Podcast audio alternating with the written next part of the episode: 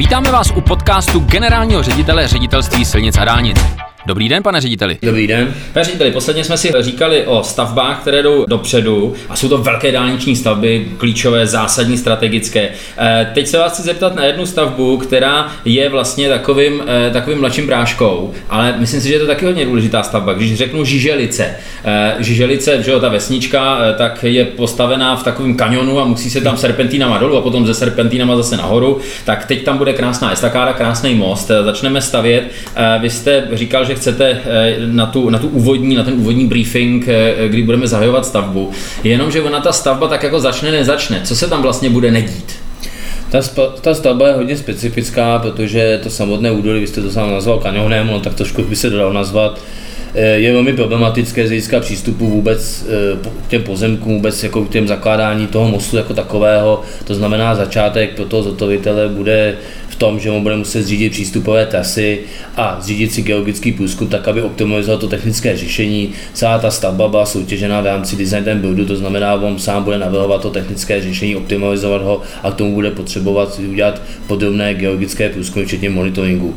Je to historické korito řeky, to znamená, samozřejmě jsou tam různé písky, díly, všechno tam bude, to, to, to geologické prostředí bude strašně obtížné a je potřeba proto udělat jak ten průzkum, tak samotný monitoring, tak aby to řešení řešení toho zakládání toho samotného mostu bylo co nejoptimálnější, jak z hlediska samozřejmě ceny, tak z hlediska životnosti samotného mostu.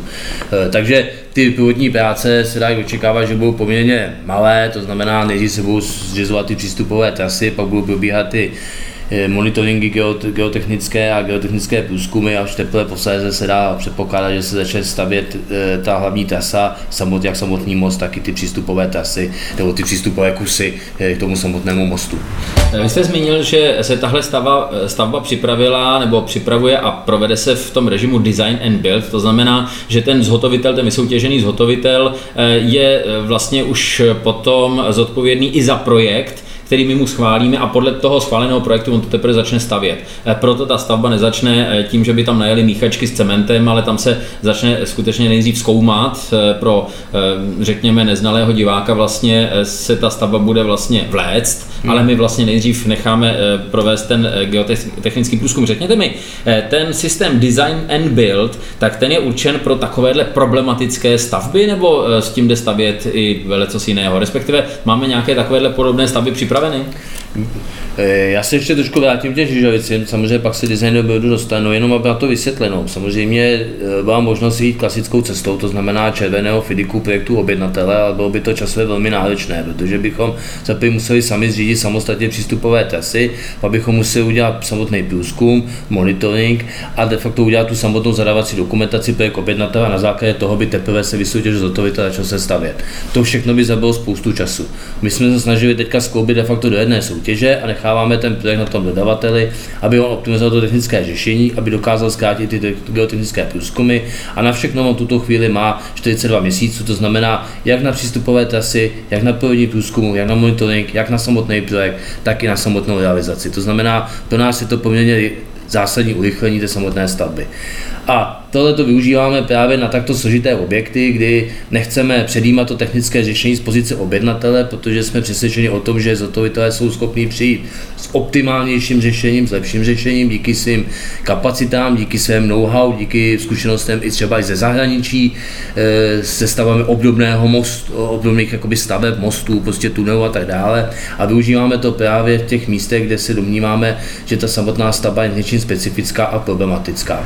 Takže těch design a buildů v současné době je dál více. No. Chceme podle žluté knihy FIDIC právě, co je právě eh, na to využívána, eh, dále, to dále rozvíjet a těch staveb soutěží více. No. V současné chvíli už soutěžíme opravu mostu Otaka Ševčíka v Brně, velmi náročná oprava, která znova eh, je na tom naložená na tom, že předpokládáme, že to přijde s optimálnějším řešením. Stejně je soutěžená v tuto chvíli oprava mostu Šmejka na dálnici D1, u Senohrab zase velmi obtížná, náročná oprava, kde my my jsme si jasně řekli, jaký podmínky musí zhotovitel dodržet, ale ta samotný způsob opravy za dodržení těchto našich podmínek, například vedení provozu po celou dobu v režimu 2 plus 2 jízdní pruhy, eh, tak je to prostě na něm, jak on si to zvolí, to technické řešení.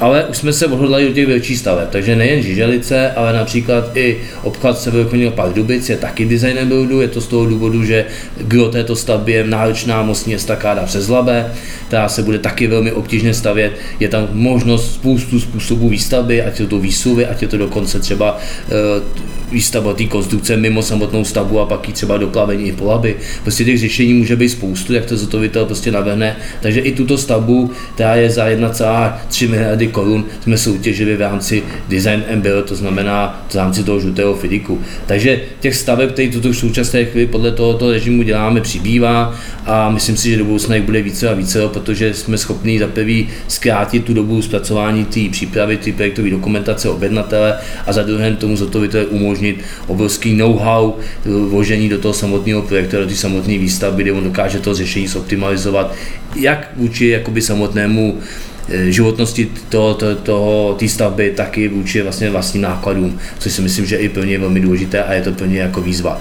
A to, že to ty zhotovitelé mají o to zájem a chtějí to takto dělat, eh, se ukazuje třeba například na dálnici D35 tunelu Homole, kde v současné době máme soutěž v rámci užšího řízení na zhotovitele této stavby tohoto tunelu a dostali jsme 8 účastí eh, na tomto výběrovém řízení v rámci prvního kola, což si myslím, že je poměrně na tunel poměrně vysoké číslo. Hmm, to je hodně zajímavé. Já bych se z toho tunelu vrátil jenom poslední douškou k těm žíželicím. A sice vy jste mě zaujal tím, že jste říkal, že a ona to tak evidentně je, eh, že v tom kanionu, v tom eh, údolí, že je to vlastně historické řečiště, eh, že jo, tam, tam té řeky, to znamená možná, že tam teče možná několik tisíc let tady, tady tím korytem. Napadlo mě, já tady prosím vás, kdyby během toho geotechnického průzkumu se v korytu té říčky v Žiželicích našlo zlato, mohl byste tu stavbu oddálit, že bychom se tam vrhli na pár týdnů s, s pánvema? Jo, jo, tak to podám informaci by náhodou, tam bylo zlato, ale stavili jsme vedle v údolí ve stejném kanonu ve Velmištěci a bohužel zlato tam nebylo. A takhle to bylo i na Aljašce, že někde na to bylo, někde nebylo, tak kdyby v Žíželicích, tak, tak, tak,